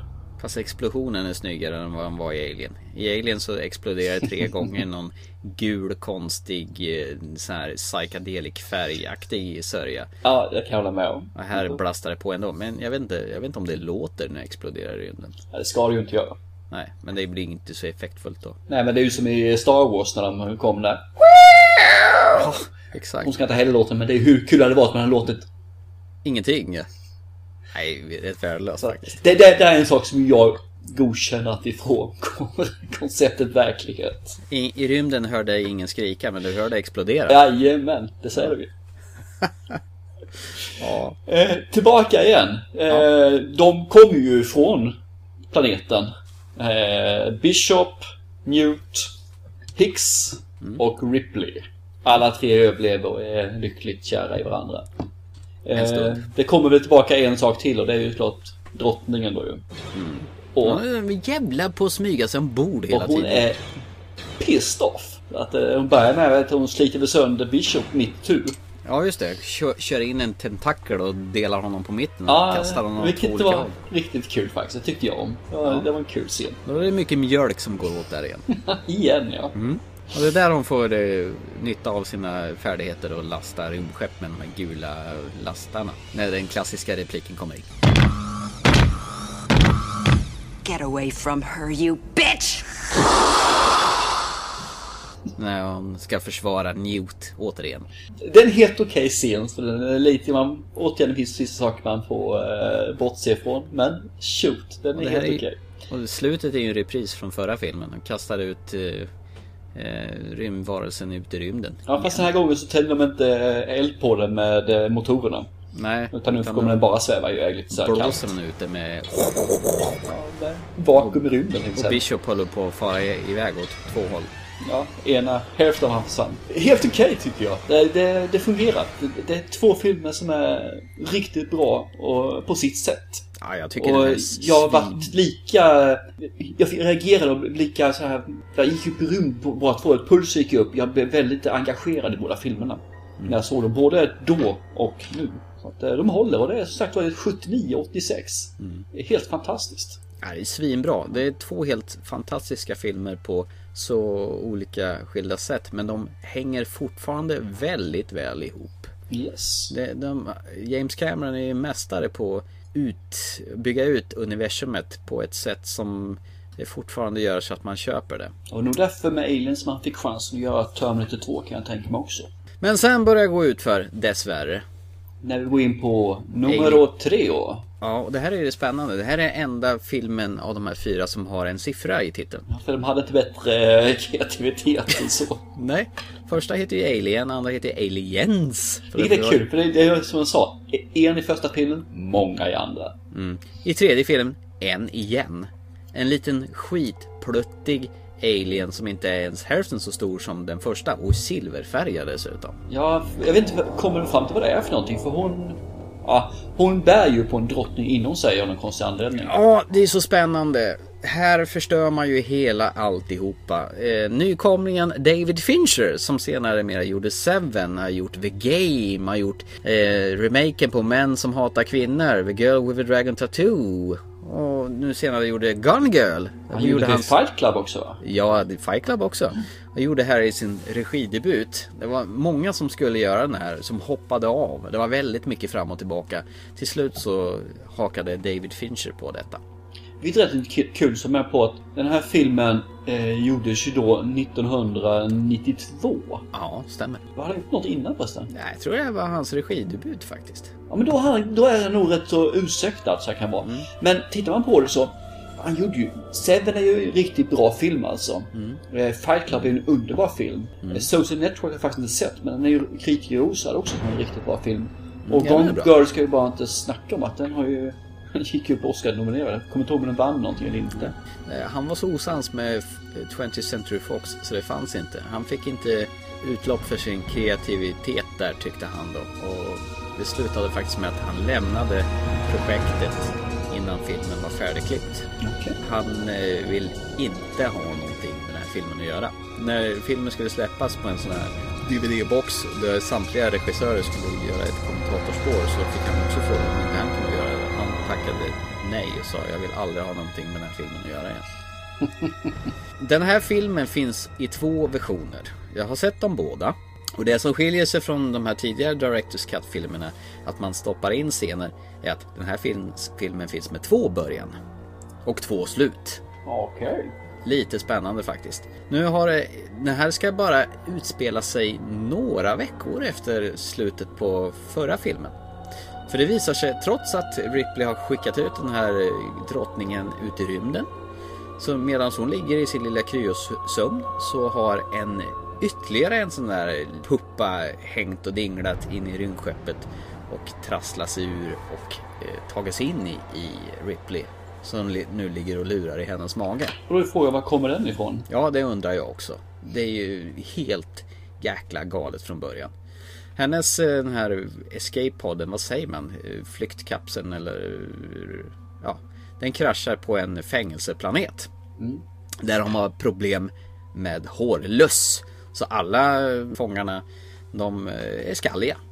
Och de bär på någon form av kromosomfel så att det är våldtäktsmän och mördare och alltihopa som sitter på en anstalt. Men alla har blivit frälsta så de tror på ett religiöst budskap. Ja, för visst känns lite grann, vibbarna jag får liksom av att det, det, de ska få ett eh, modernt kloster, munkkloster. Ja, så känner jag också att det ska vara.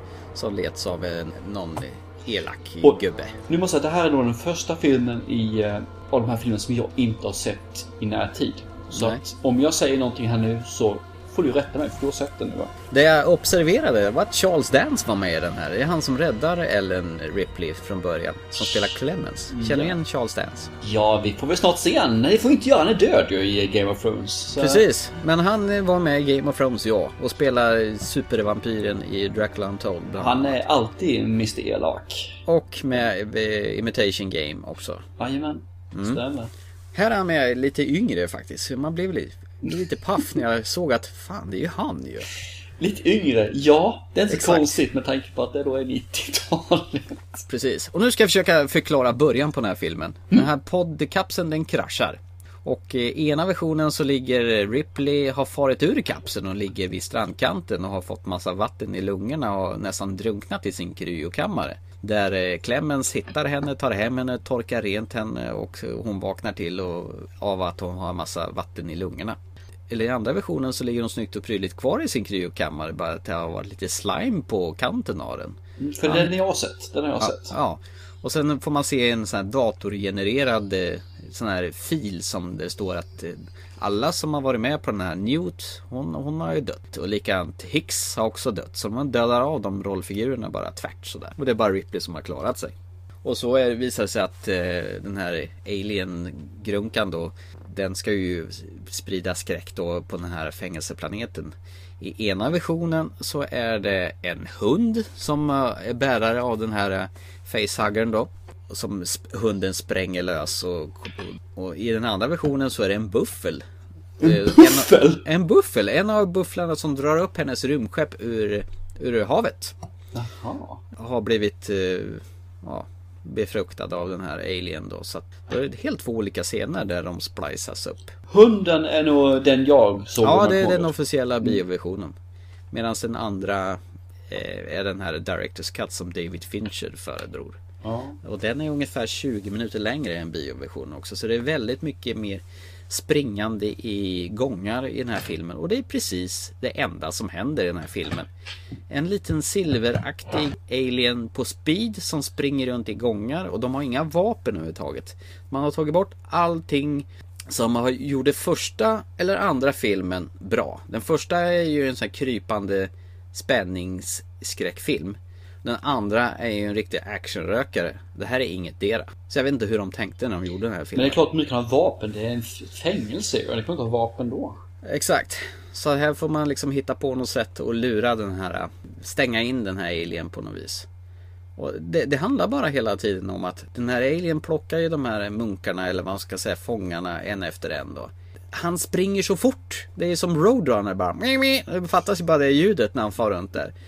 Och den är ju hälften så stor som i första Aliens. Det är bara en liten plutt som springer runt där. Jag kommer ihåg när jag såg den här första gången. Mm. Eller ja, enda gången ska jag erkänna. Jag var total lack på den. För det, de har ju gått ifrån allting kändes det som. Mm. Allt det som gjorde de andra filmerna bra. Jag trodde jag skulle få se någonting liknande igen. Men eh, Mr Fincher lyckades ju trasha en hel franchise här kändes det som. Och det var därför jag inte såg om den här filmen nu faktiskt. Den här ville jag inte om. För den, den, eh, Nej. den var hemsk. Alltså det jag kommer ihåg från den här att Sen jag såg den, jag såg den på bio. Det här var den första Alien jag såg på bio. Jag vet jag var rätt så besviken över den här. För- Dels för att de tar ju ihjäl Ripley i slutet av den här filmen. Exakt. Eller hon tar ju ihjäl sig själv snarare. Ja, Hon begår självmord varför hon Ja. eh, har ju Hon- en drottning i sig. Ja, för här kommer ju Bishop tillbaka. Igen. Som heter Bishop 2. Ja, men ja, just det. Precis. Bishop 2. De skickar en annan som ska se ut som honom för att hon ska känna igen och se ett vänligt ansikte. Och de menar på att vi kommer ta ut den här ur bröstet på dig och, och vi- vi, ska, vi ska döda den. Men hon tror ju inte på dem. Och han blir ju desperat. Men vi har så mycket att lära oss av den här varelsen. Du måste låta mig ha den. Och då tar ju hon ett skutt och hoppar ner i en sån här eh, Vad är det? Det är någon smältugn av något slag. Ja, vilket är rätt konstigt finns att det finns på ett fängelse. Ja, jag vet inte varför. Men det gör det. Det är för att de ska kunna dö på något vis. Först skickar de ju ner den här varelsen i, och smälter den i, i partiklar. Ja. Och sen eh, hoppar ju hon ner själv. Och här skiljer sig filmerna också väldigt drastiskt. I den specialversionen då tar ju hon bara ett skutt bakåt och faller ner på en jättedålig sekvens. Så här som faller spikrakt, armarna rakt ut och försvinner ner i elden. Medan jag tror i biovisionen på vägen ner så tar sig den här alien ut genom bröstet på henne. Utfarande. Eh, jag tror det är det man har fått sett på bio. Innan hon far ner i elden. Så där skiljer sig också de här båda versionerna. Ena så tar den sig ur, i andra gör den inte. Sen stänger de igen det här i fängelset och för gott. Och så, och så är filmen slut. Och lika så gott. Eh, och jag vill faktiskt inte stanna kvar i den här filmen någonting Nej, för att den är heller. skit. Och vet du vad? Jag hade för mig att den här var rätt okej när jag såg den för fem sex år sedan. Jag hade sett den här Directors Cut med han David Finchers vision. Jag tyckte att det här kanske inte var så dum ändå. Det var väl det för att det blev en annan film än vad man hade sett från början. Men ack vad tråkig den här är.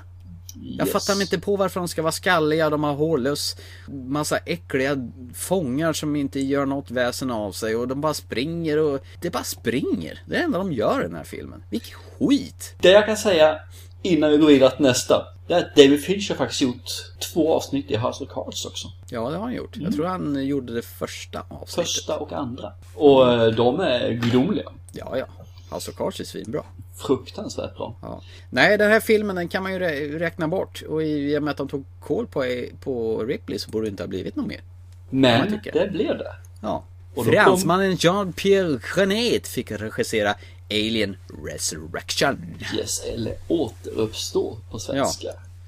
Med Sigourney Weaver och Winona Ryder i de eh, ledande rollerna va? Och den här filmen är en av de få filmer jag har somnat till när jag såg den första gången. Därför tänkte jag att du måste se om den. Och för jag tyckte, när jag såg den första gången, anledningen till att jag den var ju för att, för att säga, jag var så trött. Men att den gav mig ingenting tyckte jag heller. Eh, såg om den nu och kom halvvägs och sa att jag offrar inte mer tid på den här. Vilket innebär att jag har sett halva filmen så jag har den ungefär färskt. Resten har jag sovit till för en, eh, då en 10-12 år sedan. Så att eh, Thomas, bring it away! Det är din film. Åh vad roligt, tack. Eh, För ja, allt jag har att säga till mig är bara kass. Grejen är att, liksom jag trodde med den andra filmen. Alltså, jag såg verkligen fram att beta igenom de här fyra Alien-filmerna. Ettan och tvåan, de visste jag ju. De är ju fantastiska. Trean kommer jag ihåg, ja men den var väl rätt okej. Och fyran, jag tyckte nog att den var ett snäppet bättre än vad trean var. Men gud vad fel jag hade! Herregud! Alltså, det här är, det här är ju buskis på Aliens. Man kan ju inte ta den här filmen seriöst någonstans. Det som är, det är ju en lång framtid. Det är ju massor, massor, massor med år sedan efter tredje filmen att eh, Sigourney Weaver eller Det är väl ett par hundra år va? Ja, tog livet av sig på den här fängelseplaneten. Men nu är det ju massa vetenskapsmän som vill De vill ju absolut studera den här varelsen likväl. Och det här företaget Wayland Yutani, det namnet används ju väldigt väl. Det gör det faktiskt i trean också, i Alien 3. I första och andra filmen så används namnet bara som The Company hela tiden, eller företaget.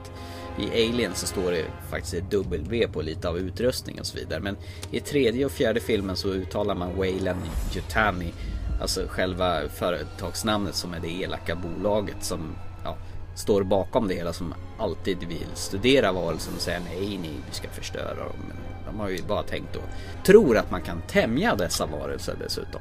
Så vad gör man när man vill ha tag i en ny alien? Jo, man har ju tydligen fått tag i Ripleys blod från den här fängelseplaneten och eh, tagit en bit av DNA och odlat fram odlat fram, nu ska jag odlat fram i något slags provrör, en provrörsbefruktad alien då.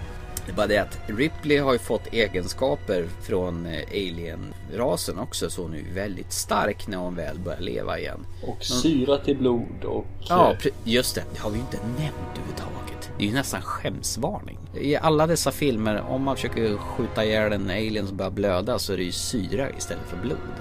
Det är ju en ganska viktig del i de här filmerna. Eller hur? Ja, den eh, har lite påverkan. Absolut. Precis.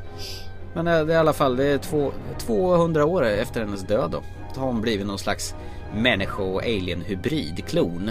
Man kan höra de andra alien prata i huvudet på sig Ja, och tycker att det är väl hennes eh, sort så att säga.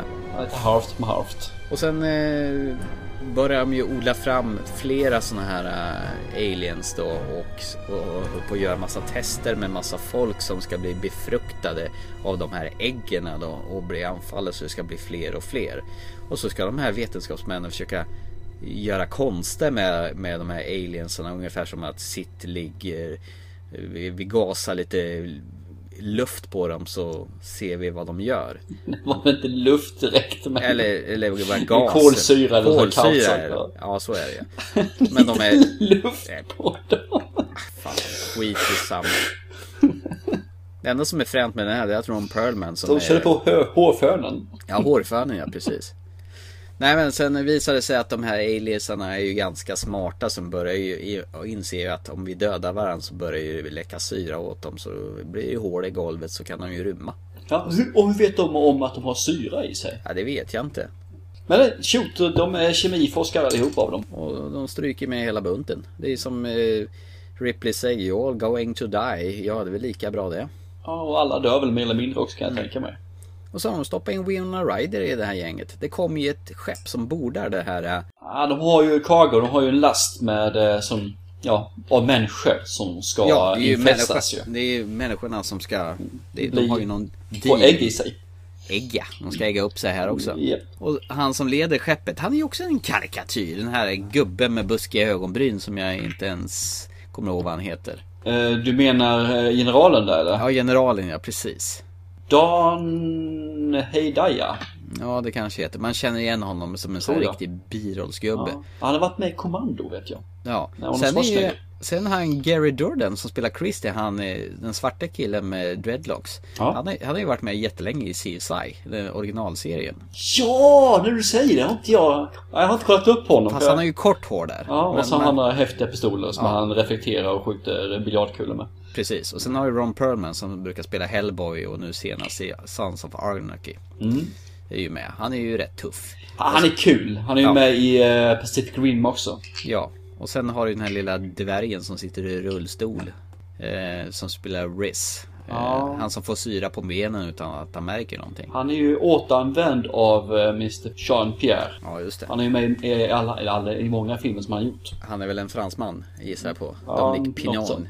heter han ju. Kan, kan jag nämna det bara? Bara eh, hoppa in där. Jean-Pierre Jeunet, han har ju faktiskt gjort några... Jag har sett två filmer till och de är ju riktigt bra båda två. Emily från Montmartre. Den är ju suveränt skön film. Den är konstig, den är underbar. Man är så här lyckopiller på något så här. Den där trädgårdstomten Jätte- som far runt på massa bilder. Ja, ta bilder. Den är, den är helmysig film, alltså jag älskar den. Och så har vi en eh, komedi, konstig film, framtidsaktualistisk eh, scenario. Delikatessen. Ja, den har jag faktiskt inte sett än. Eh, Jag kan rekommendera den, att se den. Men det, det är ju en komedi alltså. Och det är en svart komedi. Och det finns... Jag tror att du har sett... I alla fall en scen har du sett i den där. Men eh, jag ska inte tala om vad det är för någonting. Du ska få se filmen och se om du känner igen en scen i den eller inte. Men den är faktiskt riktigt kul. Men den är 91 och jag har inte sett den sen kanske 96. Sen har du ju den där karln med hesa rösten också som är med på det här skeppet. Han känner jag igen från den här Robin Hood, eh, Prince of Thieves, som är någon elaka prins John där tror jag. Han brukar väl spela skurk i diverse olika filmer. Ja, för, varför ska han ha sån där röst alltså? Det Nej, Därför att han har sån röst. rätt fantastiskt. Jag trodde att han hade förställt rösten. Han låter ju sådär i alla filmer han är med. Han har ju den där eh, sönderknarkade rösten. Vad nu är. Sen har vi Winona Ryder som spelar Anna Hale Call. Hon är också någon form av- av robot. Så har du tänkt på en sak? I första Alien. Jaha, var hon robot- robot alltså? Ja, hon är ju robot. Det hade jag glömt bort. Nej, hon har, man får ju se att hon eh, blöder sånt där vitt gegga här också. Måste vara slutet där. Hon ska ju försöka döda Ripleys rollfigur och misslyckas där då. Ja, igen. Ja, och där, där för att eh, hon inte ska finnas längre. Där någonstans börjar hon blöda och då har hon vitt skägg. Men hur som helst, i första filmen, eh, Aliens, då har du ju eh, roboten Ash. Är du med? Ja, jag är med. Ja, jag Ja, sitter. och Aliens, då har du ju roboten Bishop. Ja. Och i den här filmen så spelar Winona Ryder roboten Carl. Vad heter hon? Kol? Ja, Carl. Och sen i eh, Prometheus som vi ska prata om sen, då har vi roboten David. Ser du ett samband? A, B, C, D. Aha. Eller hur? Ja, det var intressant ju. Och som jag ser den blir ju ABB CD. Ja, ja, om vi ska vara petiga. Ja, det är klart det är PT. Men eh, undrar om det fanns någon tanke bakom det eller? Eller om det bara är en slump? Ibland så tror jag att de är lite sådär. Jag tror att det var en slump kanske de första, men jag tror att i Prometheus kan jag tänka mig att ja ah, men du, det blir ju ABCD. Det kan jag faktiskt köpa. Men det är ungefär som vi såg den här eh, remaken på eh, Evil Dead. Där man tar ihop deras namn så blir det Demon. Ja, just det. Det Visst. tror jag de helt klart har tänkt till på. För att lura, återknyta där som jag sa med Alien 3 så har den här filmen också två början och två slut. Den ena början, Director's Cut, den börjar med att man får se en liten gig, eller får se ett gigantiskt gap på vad man tror är en alien-figur då. Men sen när man zoomar ut det så är det bara en liten, liten fluga. Ja, just det. Den är den jag har sett nu. Ja, som eh, någon sitter i någon förarhytt där och bara Petar till och... Ja, så han far och blir splatchad och då kommer den här Alien Resurrection eh, upp där. På biovisionen så är det ingenting sånt utan då får man ju bara se mm, sån här bakgrunds... Eh, ja, massa an, sån bakgrunds eh, ansikten och grejer. Och så kommer Alien Resurrection upp. Det är ena skillnaden. Och sen slutscenen då. Så när eh, är ju det att man ska tillbaka till jorden då. Så, så ser man att Sigourney Weaver eller Ripley och Carl står och tittar ut över jorden där. Vad är det här? Ja det här är jorden. Ja det är nytt för mig. Ja det är nytt för mig också för jag har stort sett aldrig varit här säger hon då. Så slutar filmen. I den eh, Director's Cut. Då eh, har ju han re- regissören Jean-Pierre Jeunet gjort en hyllning till till sin he- sitt hemland i Paris. Då står de och tittar ut. Då har de kommit ner till jorden. Men då står de och tittar ut över ett wasteland där allting har gått åt helvete. Med ett trasigt Eiffeltorn bland annat. Så det är ett Paris i destruction. Den kommer jag ihåg, ja. Sen jag såg den första gången. Ja, den, den versionen den, den har jag- tyckte jag var lite godare slut faktiskt. Den hade jag aldrig sett faktiskt. För det är inte bioversionen. Utan bioversionen är den man får se att de står från rymdskeppet och ser liksom länderna över jorden. What do you think? What should we do? I don't know. I'm a stranger here myself.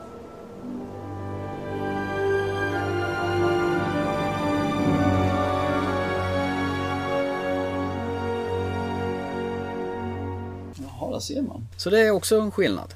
Director's Cut är också en aning längre i än vad bioversionen är. Och här får du se simmande aliens också. Jajamän, de simmar, de klättrar, de flyger mer eller mindre. Alltså det här, den här, alltså det här förstör ännu mer än vad... Återigen, om man säger så, man är på ett rymdskepp och så finns det hur mycket vatten som helst. Det, brukar vara, det bör vara en bristvara känner man ju. Ja, tycker det. Var kommer allt vatten ifrån? Sen så har jag en tanke, bara, bara så här, vi har alltså ett, ett forskningsstation. Så vi har, som de har lagt utanför de här vanliga eh, zonerna. För att det här de håller på med farliga saker. De har varelser som blöder syra. De har sådana som kan föröka sig med tusen stycken på eh, ett par timmar. De, det går liksom inte att ta död på dem. De vet om hur farligt det här är. Och sen så är det någon som trycker på den här shitometern och säger att nu går allting åt skogen. Och vad gör skeppet då? Jo, det åker till jorden. Men vänta om vi då har det farligaste som finns på ett skepp. Varför ska vi ta det tillbaka till jorden? Det är så dumt. Ja, det, det är ju så idiotiskt så det finns ju inte. Och inte ens på 90-talet var man så jävla dum som man gjorde en sån sak. Ja. Nej, det, det här, är- jag tror de här två sista filmerna höll väl på att sänka den här franchisen ganska hårt, tror jag. Jag sa ju att när trean kom ut så det får inte vara mer. Och så kommer Resurrection och så tänkte jag, men okej då, det kanske då. Ja, de kanske sätt, sätter tillbaka det på kartan igen. Och det gjorde de ju som en död franchise. De två sista filmerna skulle jag lätt kunna säga att de finns inte. Och de, har, de tillförde ingenting mer än att sänka hela alltet. Så att, har ni inte sett franchisen, se ettan, tvåan och sen ser ni att det kan bli en tredje film som kommer 2016 men ta det som att ah, det kanske inte är värt att se i alla fall. En tredje inte. film, en femte film. ja. Ah, nej, tredje för två, trean och fyran finns ju inte. Ja, ja, du menar så. Men det är ju faktiskt tanken. Det ska ju handla någonstans om vad som hände efter Aliens då. Och så ska man tydligen följa Hicks bland annat och Ripley. Och så vad som har hänt efter Aliens. Så man, jag tror man ska sopa Alien 3 och Aliens Resurrection under mattan när man gör, tänker den här nummer 5. Det var tankegångarna vad jag har förstått. Tittar vi lite grann på det om vi går in på, nu ska man inte ta det här betyget på IMDB fullt ut. Men om vi tittar på Alien 79, den har 8,5. Eh, 8,4 har då Aliens från, 8, från 86. Och sen går vi fram till, allt över 8 på IMDB är bra betyg. Det är inte mer med det alltså. Det är, det är en riktigt bra betyg på en film. Går in på trean sen så har vi då 6,4 och sen så tror jag den här fyran då någonstans på 5, någonting om jag minns rätt. Mm, Nej, 6,3 var det för Ja, jag tittade rätt. precis. Exakt. Eh, för det kom ju en prequel Mm. av den här. Och det är Ridley Scott som gjorde den igen. Då är vi tillbaka igen där med Ridley Scott ja. Och den här heter ju Prometheus. Ja. Jag vet att när den kom ut här så fick den inte så jättebra mottagande av kritiker och de som såg den. Den blev rätt sågad faktiskt. Ja, verkligen. Och jag förstod aldrig riktigt varför den var så sågad. Jag, jag tycker inte den här, den, den ligger inte i genren ettan, tvåan tyckte jag. Liksom att, nej. Eh, Och den, den hade för mycket dussin action över sig för den skulle kunna bli någonting därutöver. Men så, så kass var den ju inte. Nej, jag har sett om den här ganska Ja. många gånger faktiskt. Jag har nog sett den fyratal gånger i alla fall. Jag såg den här samtidigt, jag såg alla de här tre filmerna såg jag nu. Ettan, tvåan och Prometheus har jag sett. Och den har lyckats med den här filmen att han har ju hittat ett gäng sköna karaktärer återigen. Något, inte riktigt lika fullbländande poängträff som i första Alien då. Men han har försökt ändå göra den här vardagsgrejen som i, i Alien då. Mm. Istället för Ripley så har vi Noomi Rapace som spelar Elizabeth Shaw. Någon, vad ska man säga, pre-Ripley där. En föregångare till henne. Ja, ja, det är väl den karaktären vi har kan jag säga. Någon slags eh, Ripley-karaktär är det ju. Fast lite mesigare mjäkigare om, om du frågar mig. Alltså, jag skulle inte säga att hon är en Ripley-karaktär i alla fall, för den här, hon är ju utbildad och hon, eh, hon är ju forskare mer alltså. Ja, men hon går ju samma väg om man, om man kommer till kritan. Ja, fast- ja, men det finns alltid en sån karaktär. Så att, ja, Ja, absolut. Det finns det alltid en Ripley i alla filmer. Ja. Och här finns en Ash också, fast han heter David som vi sa. Ja, precis. Det börjar ju faktiskt med David i, i denna här. Nej, det gör det inte alls. Det börjar på en planet. Där är någon slags engineer, eller vad de kallar det för. Ja, det är det namnet vi får sen jag fattade aldrig i början. Gjorde du det när, när du såg den här första gången? Man såg det i början där så såg man hur DNA splittades upp och allting och sen så byggdes det ihop igen. Så min tanke var ju att det var ju så här de gjorde när de skulle eh, terraforma en ny planet. Eh, Och när man såg filmen till slutet så drog jag ju slutligen förmåga att han som stod där var egentligen han som gjorde jorden. Det, det är så jag drog det. Han står där, någon naken gubbe eh, som öppnar en burk med någon syraktig gegga i. Som Så- han sväljer. Vi får ju se den igen sen egentligen. Ja, och sen sedan eh, när han väl äter den där, eller drar i sig den där, så går han sönder i atomer och hans DNA korsas med kors och tvärs och blir Mm. någon utvecklad varelse. Ja, det, det blir ju en ny varelse av det. Evolution av något slag. Yes. Men sen får man ju följa vad heter hon, Eh, Elizabeth Shaw och hennes man på någon eh, ö någonstans. Där de hittar, ja vi är nog gjorda av utomjordingar. Ja, för de har hittat från olika religioner, olika tidsepoker, olika ställen i, i världen där de inte har någon, haft någon kontakt med sig överhuvudtaget. Typ Och då ser man den här samma eh, stjärnteckningarna om man säger. Och helt plötsligt så är de här inkastade med Wayland Yutanis expedition för att leta reda på deras skapare då. Att det är rymdvarelser som har tillverkat dem egentligen då. Yes. Början där känns lite grann som att hur ska vi få ut folk i rymden? Varning, det är liksom det, det, var, det var en enkel lösning. Fast början när de vaknar i kryosömnen det är väl ungefär som en repris från Alien då. Till skillnad av Charlie Theron, Meredith Vickers, hon börjar göra armhävningar som en besatt. Det första hon gör när hon vaknar. Hon har, hon har träningssug, det måste man säga. Ja, Men absolut, måste ju komma igång igen. Jag har inte nämnt eh, någon viktig komponent i den här filmen. Det är ju H.R. Geiger, eller Giger så han kallas. Det är han som egentligen har skapat egentligen Alien-designen från första filmen. Mm. Ur någon bok som heter Necromoncon eller någonting. Necromon. Ne- Necromicon. Och här har han faktiskt blivit anlitad till att göra de andra eh, rymdmonstren som dyker upp. Det, det får jag säga bara så också som en parentes. Om man tittar på Alien-monstret och så tittar man på alla Alien-monster som görs, eller har gjorts då fram till nu. Så är det ju det här som är grundmallen. Det skiljer ingenting. Jag tar som Edge of Tomorrow. Det är ju karbonkopia fast lite mer tentakler. Så att det, det är ju, han har ju lyckats med någonting som är helt enastående. För Efterapat gång efter gång efter gång. Visst vet du, det är helt sant. Och det, det är ett bra koncept, det är inte mer med det. Vad ska man säga? Innan de vaknar så är det ju roboten David som åker runt där och eh, som spelas av Michael Fassbender. Det är rätt kul. Han åker runt där och lär sig lite språk och han spelar basket på en enhjuling. Titta på Lawrence of Arabia. Ja, exakt. Och kammar sitt hår likadant. Och färgar håret. Han ska se ut som honom. Och Och det var något jag inte fattade när jag såg det första gången. För han är ju egentligen Pinocchio. Han är ju den här eh, trädockan som vill vara en riktig pojke. Och han ville ju, nej han ville vara Alec Guinness i eh, Lawrence Arabia. Han ville vara Och det är ju en Obi-Wan riktig Ken- pojke väl? Ja, Obi-Wan Kenobi. Har du sett den, här, den filmen? Lawrence, of Arabia. Nej, jag har faktiskt aldrig lyckats. Jag vet att den är nästan tre timmar lång. Den är fruktansvärt bra. Du har missat någonting om du inte har Den sett har den. gått alltså. på TV massor med gånger. Jajamän, jag har sett den tror jag ett par, tre gånger. Jag har sett den. Den är så pass. Ja, den, den, är, den är värd att se. Det kan ju vara så att jag varit för ung när de väl gick för massa år sedan och jag tyckte, ah, gud vad tråkigt det är. Fast det är kanske är någonting jag skulle uppskatta idag. Jag tror, nu var det x antal år sedan jag såg den alltså, så att, men jag tror den håller fortfarande. Jag skulle lätt kunna se den idag. Fina karaktärer. Ja, hur som haver, Michael Fassbenders karaktär David är ju riktigt jäkla skön faktiskt. Ja, jag var ju motståndare till han i början, den karaktären, för jag kände bara sådär, men nu när jag såg om den nu håller jag med dig. Karaktären är helt fantastisk. Det finns ett djup där som inte finns i övriga filmen. Sen eh, presenteras ju varför de är där av Peter Wayland som spelas av en otroligt supermakead Guy Pearce. Som man, alltså makeupen är så jäkla dålig så det finns inte för att vara en så ny film. Det syns ju att de har skottat på honom 100 kilo gips eller eh, skitdålig smink. Jag fattar inte hur de tänkte när de gjorde detta. Det är nog fan det sämsta med den här filmen. Nej, jag förstod inte heller varför skulle han överhuvudtaget vara med?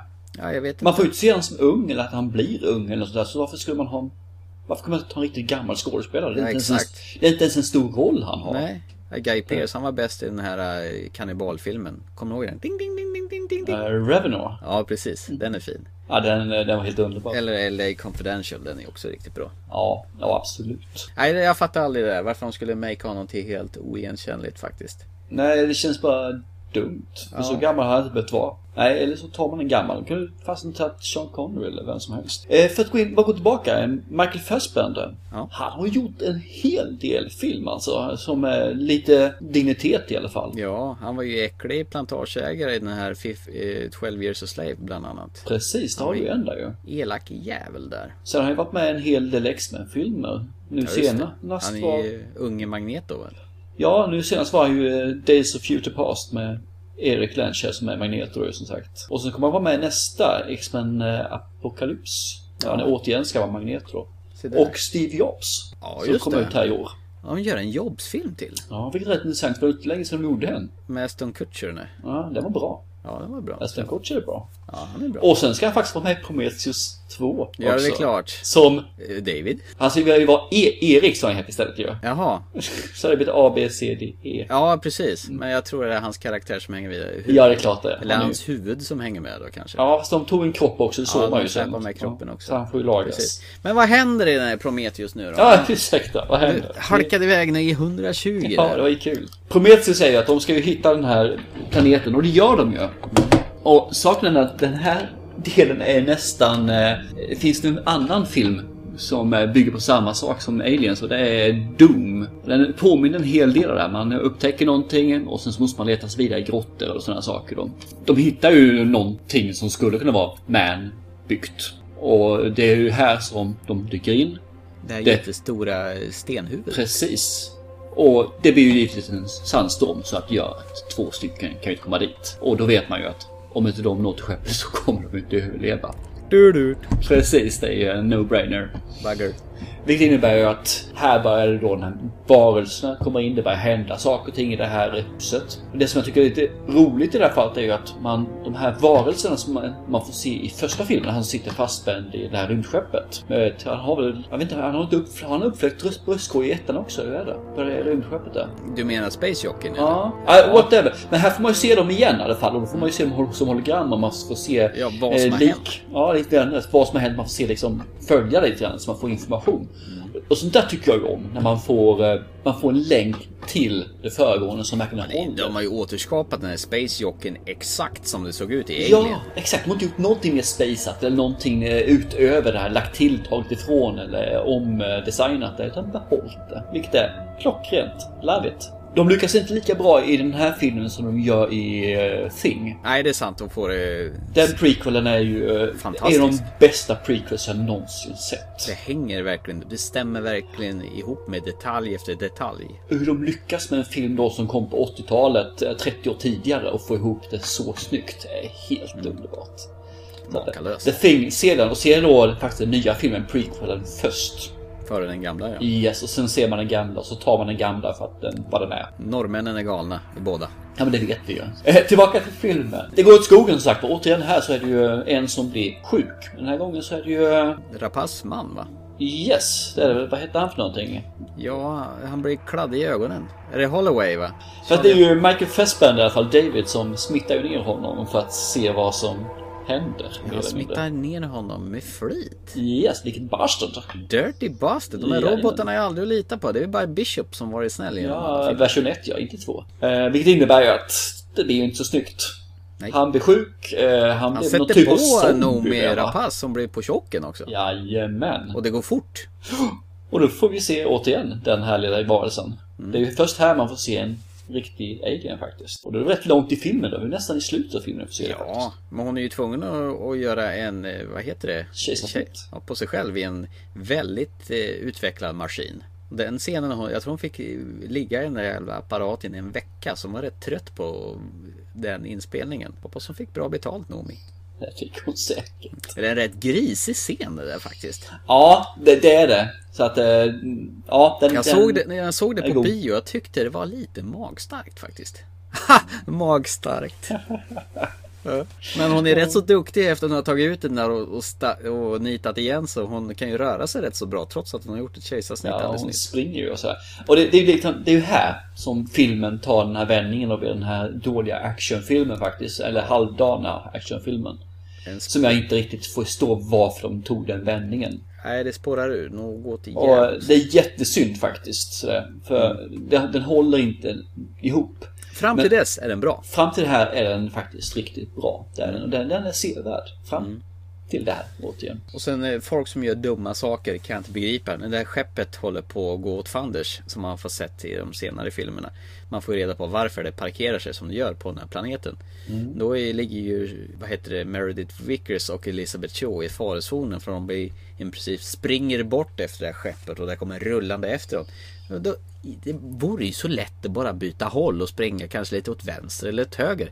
Nej då, vi springer rakt fram och så snubblar vi och så ser vi till att vi blir mosade. I alla fall Charles Fer- Charlize Therons rollfigur. Ja, visst. Hon blir platt som en pannkaka. Hon blir platt. Ja, men går vi. Det är så irriterande såna här grejer. Ja. Jag kan hålla med. Och sen eh, den här ursprungsengineern då får slåss mot den, eh, den väldigt växande alien som, som Elizabeth Shaw har haft i sin mage. En gigantisk eh, tentakel-liknande sak som, som får slåss med den här eh, engineern då. Och sen parar sig med honom. Och eh, det är väl här man får se en tvättäkta alien på slutet bara. Yes. Det är bara en kort period där bara. Ja, vi gick väldigt snabbt igenom den här filmen jag Ja. säga. Vi hoppade. Men, Men den är, den är bra. Ja, bättre än den låten vi snackade om den. Det är den det faktiskt. känns som vi trashar den lite grann. Ja, och det, det, det är lite fel. Den, den är helt okej filmen alltså. Det, och den är så okej så jag ser fram emot tvåan och hoppas att den kan eh, uppfylla mina önske, Ja önskedrömmar. men den ja, man blev lite sugen på mer faktiskt. ja, jag tycker det. För det, den slutar ju ungefär som att det är öppet. För att en fortsättning. Ja, de åker ju åker iväg med ett skepp till som inte har kraschat då. Ja, för han, David har ju trumfkort i fickan. Han vill ju inte bli lämnad ensam där huvudlös och kroppen på sned. Och så att han säger till, till Elisabeth när hon inser att ja, hon har ju sprängt sitt eget skepp åt You helskotta. scratch my back, eller you fasten my back, I Ja, scratch men ja, yours. det finns ju fler skepp och jag kan styra dem. Så jag kan tala om vart det finns fler skepp om du vill. Om du inte vill dö här på den här planeten. Yes. De sticker Nej, ju vidare. då, kan no vi då kan vi åka hem. Vi Ja, ska just det. inte hem. Nej, jag, jag vill se var vi kommer ifrån egentligen. Varför ska du åka dit internationellt? Nej, det är för att jag är människa. Precis. We go where no woman has gone before. And no David. Kanske kommer till Vulcan. Nej men hur som har, Prometheus 2 ser vi faktiskt fram emot. Jag ser faktiskt mer fram emot den än, än Neil Blomkamps Alien 5. Som kommer ungefär samma år, nästa år. Ja, då ena kommer i början av året, jag antar den andra kommer i slutet. Så. Vi trashade ju Chappie i förra programmet. Ja, Jag och blir det- ju rätt så orolig med tanke på vilken skitfilm Chappie var. Ja, han har ju bara gjort en film som är värd att ha. Men det är ju District 9. Ja, och frågan om man fick bara till en sån riktig one hit wonder där och Ja. sen har det bara gått ut för. Jag är rädd för det. Men ge den en chans. Jag kommer se den, eh, troligtvis kommer jag se den på bio också, alltså Alien 5. Han kanske blir Chappie skitdålig så att vad han gör så blir det bättre. Det var vad vi sa innan med Ripley. Ja, just det. Kan bara bli bättre. Avatar 2 kommer vara ett mästerverk i Ja, jämförelse. måste ju vara det. Ska vi beröra eh, nästa grenen här? Ja. Alien vs Predator. Som Precis. kom 93. Den första kom 93. Ja, grejen var ju som sagt efter Alien Resurrection så visste ju inte Fox vad tusan de skulle göra med franchisen. Då parade de ihop det som eh, var framgångsrikt. Predator med Arnold Schwarzenegger var ju en riktig succé. Och Aliens var ju en riktig succé. Men sen har ju liksom serierna liksom falnat ut. Och det var ju ett framgångsrikt tv-spel som hette Alien vs Predator. Så varför inte slå ihop de här två olika varelserna i en och samma film så de får gå berserk mot varann. Köra en liten battle. Seven days ago, one of my satellites over Antarctica discovered a pyramid. Where exactly on the ice is this? It's not on the ice. It's 2,000 feet under it. Let's make history. Oh my god. Whoever built this pyramid believed in ritual sacrifice. Did you hear that? What did you say this room was called? Sacrificial chamber?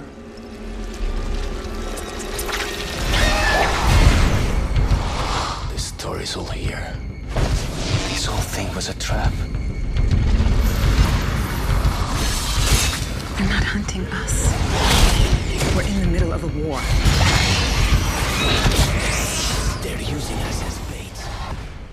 Battle Royale. Det låter ju skittöntigt och det var reg- regissör Paul V.S. Anderson som har gjort Resident Evil som regisserade detta. Och Lance Henriksen får ju åt reprisera sin roll som Bishop men som skaparen Charles Bishop Wayland. Det är han som eh, drar den här expeditionen någonstans vid, ute i Antarktis och hittar den här ingången till Ja, det var så länge sedan jag såg den så jag kommer knappt ihåg vad den går ut på. Det är väl att de har upptäckt att det finns, i Antarktis finns det väl någon eh, sån här källa som helt plötsligt börjar sprida värme kring sig. Ja, det var som så de upptäcker kanske. som är ett stort komplex. Och då åker de ju dit av forsknings... Och Och det det, vis, visar ju sig att där finns det ju en drottning som värper ägg och sen så när de här predatorna åker dit därför att görs en mandomsprov eller Så är det ju, det är mandomsprov för predatorsarna. Yes. Och eh, de ska då döda några stycken sådana här. De är väl, kommer det tre, fyra stycken av det för någonting och ska väl då döda så många sådana här varelser som de bara kan. Och då helt plötsligt så är det lite knasigt för nu finns det lite människor där också helt plötsligt ju.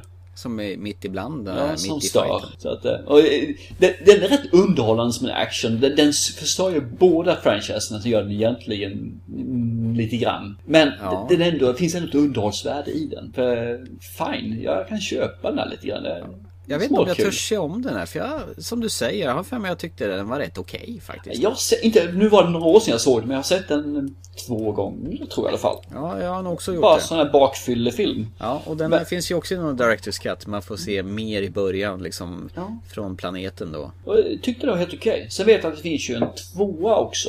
Requiem ja. Men den finns inte va? Jag tycker vi, vi pratar inte ens om den. Alien vs Predator 2 nej. Nej. Den är ju så hemsk och den är så vidrig. Så att den får ju att Resurrection att framstå som en Oscarsfilm. Ja, eller Alien 3 för den delen. Ja. Nej, Så- alltså det, det, den är så fantastiskt dålig så att den som kom på manuset, den, han borde ju skjutas. Så eh, jag tycker vi lämnar det där henne. Då har vi bara nämnt lite grann. Det är så här, Aliens franchisen är ju filmer. Men det har också blivit ett spel som du säger. De har gått ut med Predator och försökt gifta ihop den lite grann som Freddy vs uh, Jason. Mm. gjorde de också ju. Vet du om det finns något annat här? För jag har för mig det finns några typer av animerade också. Det vet jag inte så våldsamt mycket om. Men däremot, det måste jag få tipsa om. Ja. Jag gick ju faktiskt här i, för några månader sedan och eh, köpte spelet Alien Isolation. Ah! Och det är ju faktiskt att kasta sig in rakt i, i Alien, första Alien-filmen, eller Aliens för all del. Mm. Den miljön. Alltså du får den, du spelar faktiskt Ellen Ripleys dotter som ska leta reda på sin mamma.